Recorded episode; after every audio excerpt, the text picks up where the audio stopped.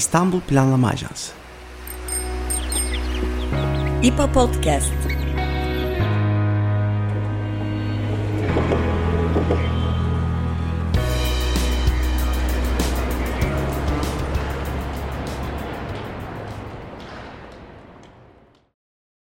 Merhaba, İPA Podcast'e hoş geldiniz. Ben Berkan Özyar. Ben Elif Yıldız Kızılca. İPA Podcast'in bu bölümünde kent çalışmaları alanında oldukça önemli bir ismi konuk ediyoruz. Profesör Doktor Murat Güvenci.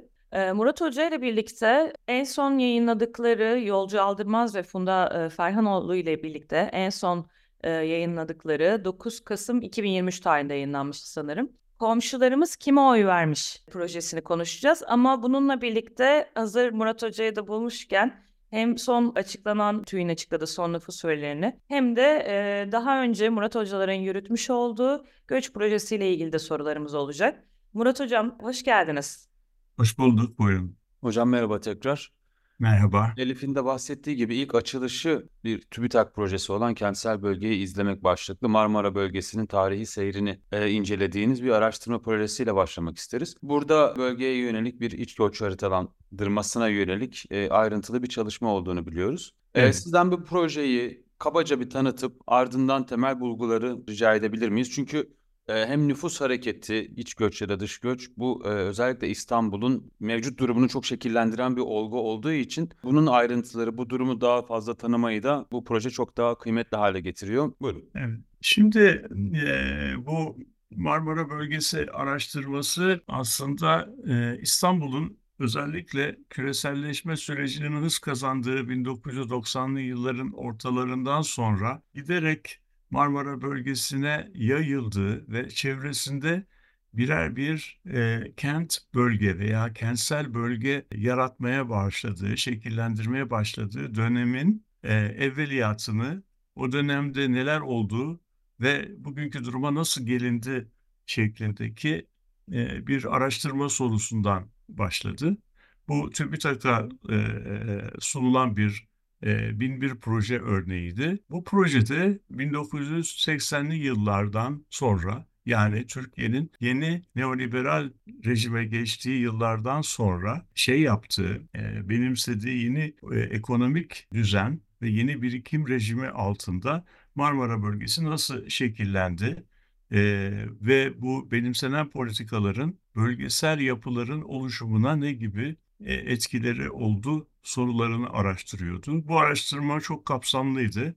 Ee, yani genellikle 11 ili kapsıyor ve 77 bin kilometre karelik bir alanda e, sosyal gelişmeyi, toplumsal gelişmeyi en ayrıntılı istatistiksel bilgiler üzerinden haritalamayı gerektiriyordu. Burada geliştirilen harita yöntemi geleneksel olarak şehir planlama alanı kullanılan tek değişkenli tematik harita yapmak şeklinde değil, birden fazla özelliğin birlikte haritalandığı yeni kuşak sentez haritaları ve haritaların üzerinden yapıldı. O bakımdan araştırmanın belli bir özgünlüğü var. Demin söylediğiniz gibi iç göç süreci de bu e, araştırmada iki başlık altında ele alındı. Bir tanesi Türkiye'de iç göç sürecinin e, okunabilir bir örüntüsü var mı? Yani çok yüksek oranlarda iç göç e, oluşturan Türkiye toplumunda bu göçler nerelerden çıkıp nerelerde toplanıyor? Çıkış ve varış noktaları arasında bir e, bağlantı var mı? Bu araştırma ilk aşamada e, il ve ilçeler düzeyinde yapıldı ve ilginç e, sonuçlar elde etti. İstanbul'da tabii beklenilebileceği gibi bu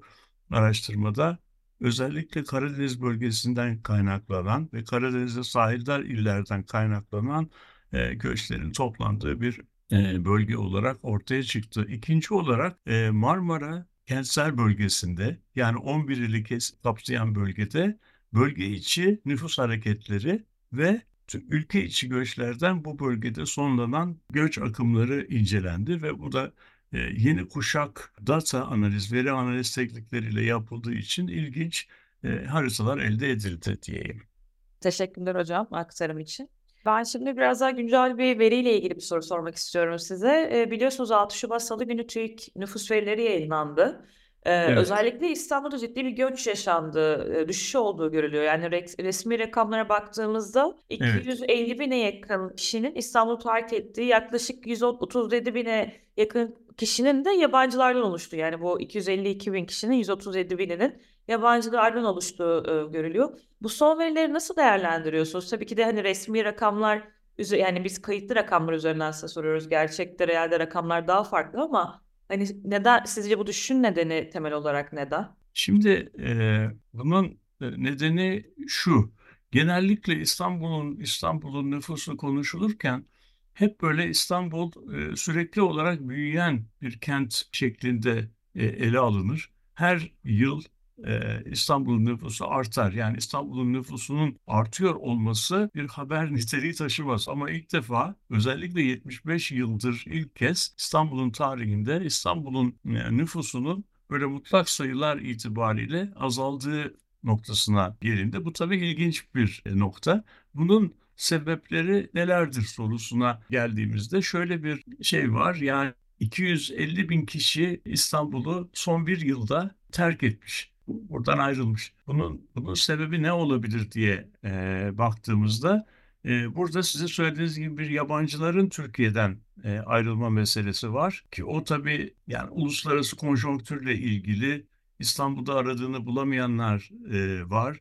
İstanbul'a gelip vize bekleyip buradan yurt dışına gidenler var. Ama burada e, yabancılardan çok iç göç bizi ilgilendiriyor. İç göç neden İstanbul terk ediliyor onu size anlatayım. Şimdi Türkiye'deki büyük şehirlerin nüfus yapıları incelendiğinde İstanbul, Ankara, İzmir, Adana gibi bu yap büyük şehirlerde gözlenen nüfus yapılarının Türkiye'nin taşra kentlerinde veya daha küçük kentlerinde gö gözlenen nüfus yapılarından çok farklı olduğu e, gözüküyor. Büyük şehirlerde özellikle genç nüfus, aktif nüfus yaşlarında bir yığılma. Buna karşılık yaşlı ve genç nüfus gruplarında da manidar bir azalma, bir azlık gözüküyor. Şimdi bu e, bu yapı nedeniyle bu yapı nedeniyle büyük şehirler birer büyüme makinasına, İngilizce'de buna growth hole deniyor, e, dönüşüyorlar. Çünkü büyük şehirlerde aktif nüfus çok ama büyük şehirlerde bağımlı nüfus az. Yani çocukların sayısı az. Çünkü az çocuklu hane halkları büyük şehirlerde daha başarılı oluyorlar. Yaşlıların nüfusu da az. Çünkü büyük şehirler özellikle İstanbul emeklilik dönemini geçirmek için çok çekici bir yer değil. Fiyatlar pahalı, e, yaşam koşulu, yaşam kalitesi taşradaki kentler kadar bir emekli için daha uygun değil. O zaman ne oluyor? İstanbul'a gelen göçlerin bir kısmı bir kısmı İstanbul'da çalışıp gerekli veya yaşam boyu birikimlerini yaptıktan sonra e, çıktıkları bölgelere e, geri dönüyorlar. Ve İstanbul aslında sanılanın aksine hep göç alan bir yer değil. İstatistikler incelendiğinde tabii nüfusu çok büyük olduğu için İstanbul aynı zamanda Türkiye'deki en büyük göç veren il. Şimdi bu göçlerin fazla olmasının e, sebebi şuradan kaynaklanıyor. Artık Türkiye'de demografik süreç, geçiş süreci o kadar ilerledi ki bu demografik geçiş sürecinde artık taşradan, taşra kentlerinden İstanbul'a eskiden olduğu kadar e, genç nüfus gelmiyor. Çünkü o, o kentlerde de zaten bu kadar İstanbul'a gelecek genç nüfus yok. Onun için Türkiye hızla yaşlanırken İstanbul'dan ayrılan nüfus e, son yerine yeni nüfus konamıyor. Ve İstanbul'dan e, ayrılıp Taşra'ya giden yaşlı nüfus da iki e, grupta toplanabilir. Bunlardan bir tanesi İstanbul'un beyaz yakalı ve eğitim düzeyi yüksek olan kesim e, ileri yaşlara geldiği zaman İstanbul'dan ayrılıp emekliliklerini özellikle sahil kentlerinde işte Ege kentlerinde, Akdeniz kentlerinde geçirmeyi yeğliyorlar. Ama İstanbul'a vaktiyle çalışmak üzere gelmiş olan ve İstanbul'da belli bir birikim yapmış olan İstanbullular yani mavi yakalı İstanbullular ise e, kendi kentlerine geri, geri gidiyorlar. İşte bu durumdaki şey yani bu süreç İstanbul'un ilk defa olarak son 75 yıldır mutlak sayılar itibariyle nüfus e, kaybettiğini gösteriyor. Bu da tabii çok ilginç bir e, gelişme.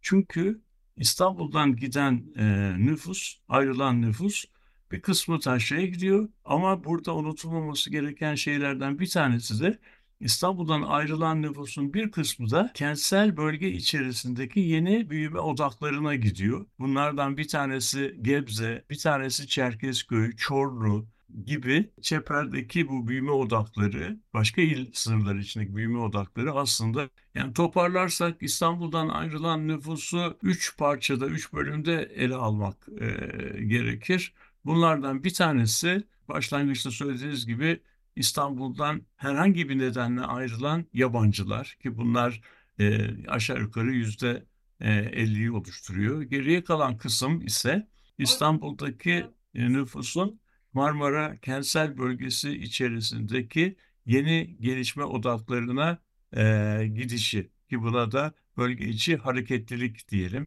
göç demeyelim.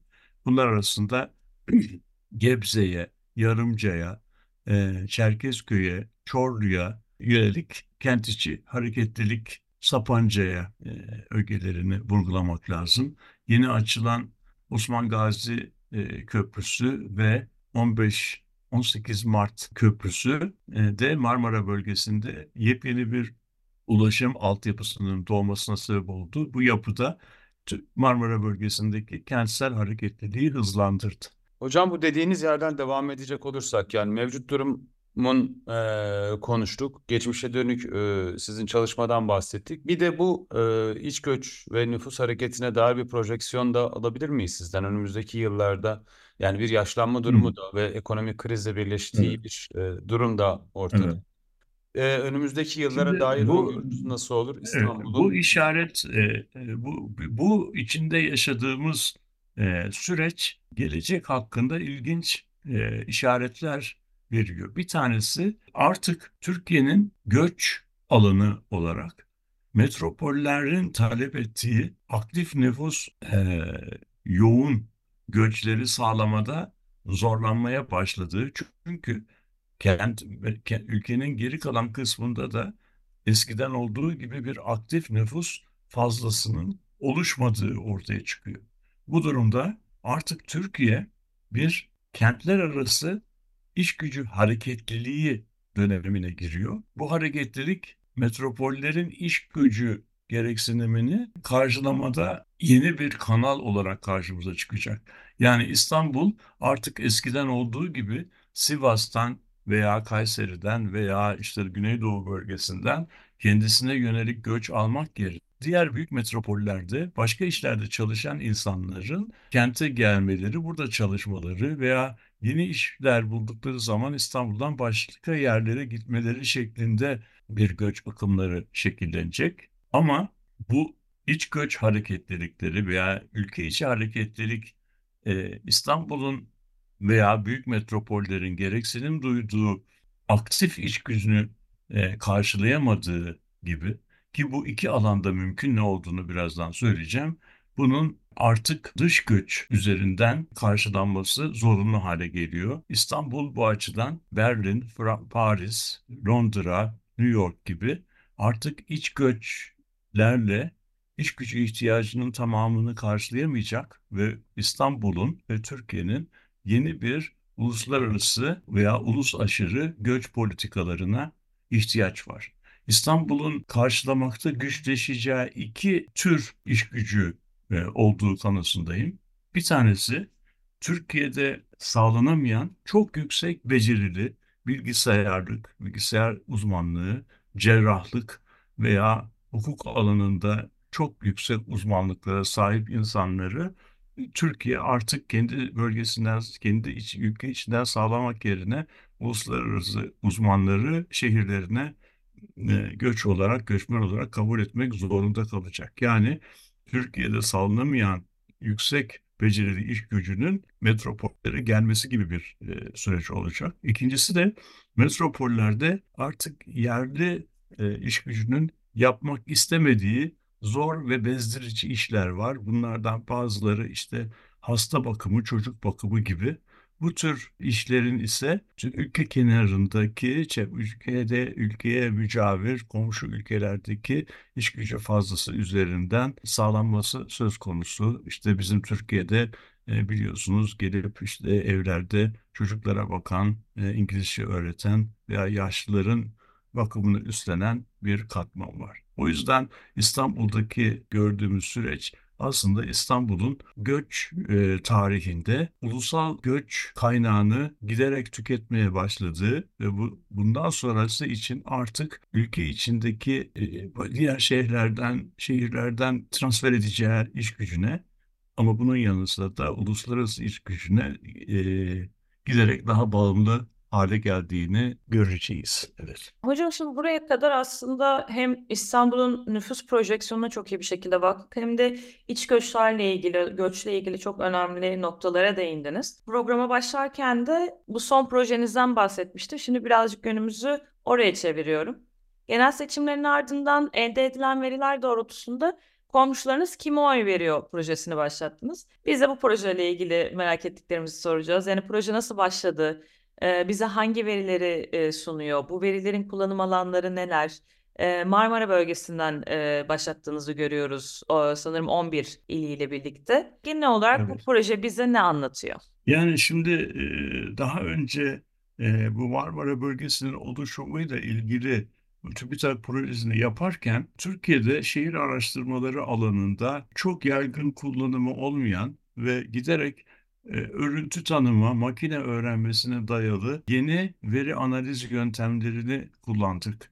Bu, bu analiz yöntemleriyle de çok sayıda e, sentez haritası ürettik. E, fakat e, bu haritalar çok ilginç bilgiler içermesine rağmen iki bakımdan problemliydi. Bu haritaların yayınlanması çok pahalı bir şey biliyorsunuz harita basmak çok zor. İkincisi de e, yani herkes şey, böyle şehir bölge e, haritalarıyla ilgilenmiyor. İnsanların ilgilendiği bir hali, e, alanda yeni kuşak bir e, sentez haritası yapmanın yararlı olabileceğini düşündük ve seçim sonuçlarının bu bilgilerin e, kamusallaşması, geniş kitlelerle e, buluşması için ilginç bir fırsat oluştuğunu oluşturduğunu gördük. Bu yeni teknolojiyi 14 Mayıs seçimlerindeki seçim sonuçlarına uygulayarak bir e, bölgesel e, seçim haritası ürettik. Bu haritanın iki özelliği var. Bir tanesi harita 77 bin kilometre kare alanda aklımıza gelen en küçük yerleşme birimini yani mahallelerin içerisindeki, mahalle ve köylerin içerisindeki yerleşik alanlardaki e, yerleşik alanlarda şekillenen oy profillerini izleme imkanı veriyor. Yani bunlar idari birim sınırları üzerinden haritalanmış ve bildik e, seçim haritaları yapmak yerine o idari birimin içinde insanların yaşadığı yerleri tespit ederek oy profillerini onlar üzerinden sağlama imkanı veriyor. Bu yerleşik alan miktarı yerlerinin saptanması uydu görüntüleri üzerinden makine öğrenmesi yoluyla üretilmiş altıklar üzerinde e, yapılıyor. Burada Isparta Süleyman Demirel Üniversitesi'nde coğrafya bölümünde yolcu, doktor yolcu Aldırmaz'ın geliştirdiği bir takım e, yöntemlerden yararlandık. Kendisi Türkiye'de hiçbir zaman üretilmemiş yepyeni bir e, dasimetrik deniyor harita altlığı üretti. Önce bu altlığı biz 14 Mayıs seçimlerinde Marmara Bölgesi seçim sonuçlarına uyguladık. Proje Alman Heinrich Böll Vakfı'nın desteği ile e, yürütüldü ve işte Kasım ayından beri e, yayında şu ana kadar problemsiz olarak yayınlanıyor ve binlerce kişi haritadan e, haritayı kullandı. Haritanın ilginç bir tarafı yerel demokrasiye çok imkan ve gelişme fırsatı veriyor. Çünkü Marmara bölgesinden herhangi bir yerinden e, sisteme bağlanan bir e, şeyimiz, hemşehrimiz kendi bulunduğu bölgeye komşu olan bölgelerde nasıl bir oy profili olduğu, komşularının nasıl siyasi tercihler sahibi olduğunu görebiliyor. Bu proje ilk önce Marmara bölgesindeki 11 ilde 77 bin kilometre kare toprakta yapıldı. Fakat bu yayına girdikten sonra biz çalışmalara devam ettik ve 14 Mayıs'tan sonra 31 Mayıs 31 Mart 2024 seçimlerinden 2-3 hafta önce zannediyorum Türkiye genelini de aynı yöntemle kamuoyunun kullanımına açmış olacağız. Bu haritanın ilginç tarafı herhangi bir sandıktaki sonuçları göstermelerden öte e, benzer siyasi eğilimler sergileyen yerleşmeleri kümeleyerek buralardaki ayırt edici oy profillerinin haritasını yapıyor. Bu harita haritalama süreci aslında e, Fransız kartograf Jacques Berthin'in geliştirdiği bir yaklaşımın Türkiye veri setine uygulamasından ibarettir. Kullanılan e, veri değerlendirme yöntemi ise e, Fransız sosyolog Pierre Bourdieu'nun geliştirdiği correspondence analiz, Türkiye Türkçesi de mütekabiliyet analizi diyebiliriz. Bu analizin ileri bir versiyonundan ibarettir. Bu yöntem şimdi artık bütün Türkiye'de uygulanabilir olacak. Haritanın özelliği çok kapsamlı bölgeleri verinin izin verdiği en yüksek çözünürlük düzeyinde e, inceleme e, fırsatı vermesidir. Biraz da hocam bu araştırmanın sonuçlarından öne çıkan birkaç maddeyi en çarpıcı olanları e, nasıl değerlendirirsiniz? E, ve bunu Evet, mesela birleştirip de sorabilirim hocam. E, çok pardon. Bir sonraki aşamada daha geniş bir araştırma sonuçları açıklanacağını da biliyoruz. Çalışma nasıl sonuçlanacak? Türkiye geneline dair de açıklanmadan önceki bulgular bize neler söylüyor? Evet. Yani şu bu burada bizim biz seçim sonuçlarını eskiden konvansiyonel yöntemlerle analiz ederken genellikle hangi partinin hangi seçim çevresinde ne kadar oy aldığına bakarız. Halbuki bu analiz belli bir partinin e, oy oranlarının yanı sıra hangi partinin hangi partiyle beraber başarılı veya başarısız olduğunu gösteriyor. Bu durumda mesela CHP'nin veya Adalet Kalkınma Partisi'nin veya Yeşil ve Sol Parti'nin o zaman adı öyleydi.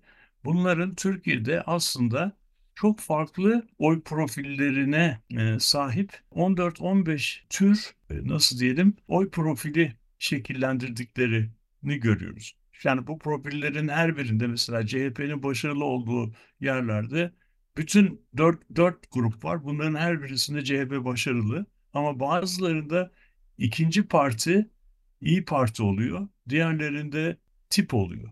Yani bazı yerlerde tip ve CHP başarılı, bazı yerlerde CHP ve İyi Parti başarılı. Aynı şeyi AKP üzerinden yaptığımız zaman bazı yerlerde AKP siyasi İslam partileriyle başarılı ki metrop, İstanbul metropolü böyle. Bazı yerlerde de AKP özellikle, özellikle ülkücü partilerle, milliyetçi partilerle başarılı, MHP ile başarılı. Bu e, bunun ne işe yarar dediğiniz zaman bu yerel seçim ittifaklarının veya önümüzdeki ittifak e, dönemlerinde hangi kesimlerde ne tür ittifakların başarılı olduğu konusunda bize ilginç ipuçları veriyor.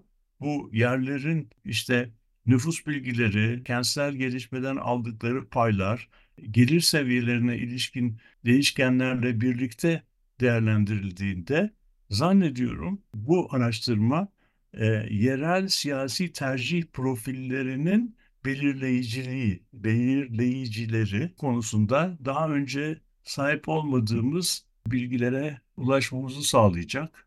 Bu Türkiye genelindeki araştırma tabii kaçınılmaz olarak deprem bölgesindeki bütün illeri de e, kapsayacak, kapsıyor ve bu bölgelerde 14 Mayıs'ta nasıl bir oy profili şekillenmiş, 31 Mart'ta nasıl bir oy profili şekillenmiş bunların hepsini ayrıntılı bir şekilde bir şekilde izleme, değerlendirme olanağımız olacak. Hocam çok teşekkür ederiz. Bugün Murat Güvenç Hoca ile İstanbul'a dair, İstanbul'dan hareketle hatta Türkiye geneline ve Türkiye'nin ötesinde çeper ülkeleri de çeşitli e, notlar çıkartan iki tane araştırmasını konuştuk. Profesör Doktor Murat Güvenç özellikle İstanbul özelinde yapılan çalışmalardan hareketle yaptığı projeksiyonda İstanbul'un göç almak yerine yani buraya gelip buradan gidilesi bir durak olarak e, belki de düşünmemiz gerektiğini de e, bu konuşma gösteriyor ve buradan da iç göç akımının da dış göç akımının da farklı dinamikler üzerinden kurulacağını, her bağlamda buna yönelik yeni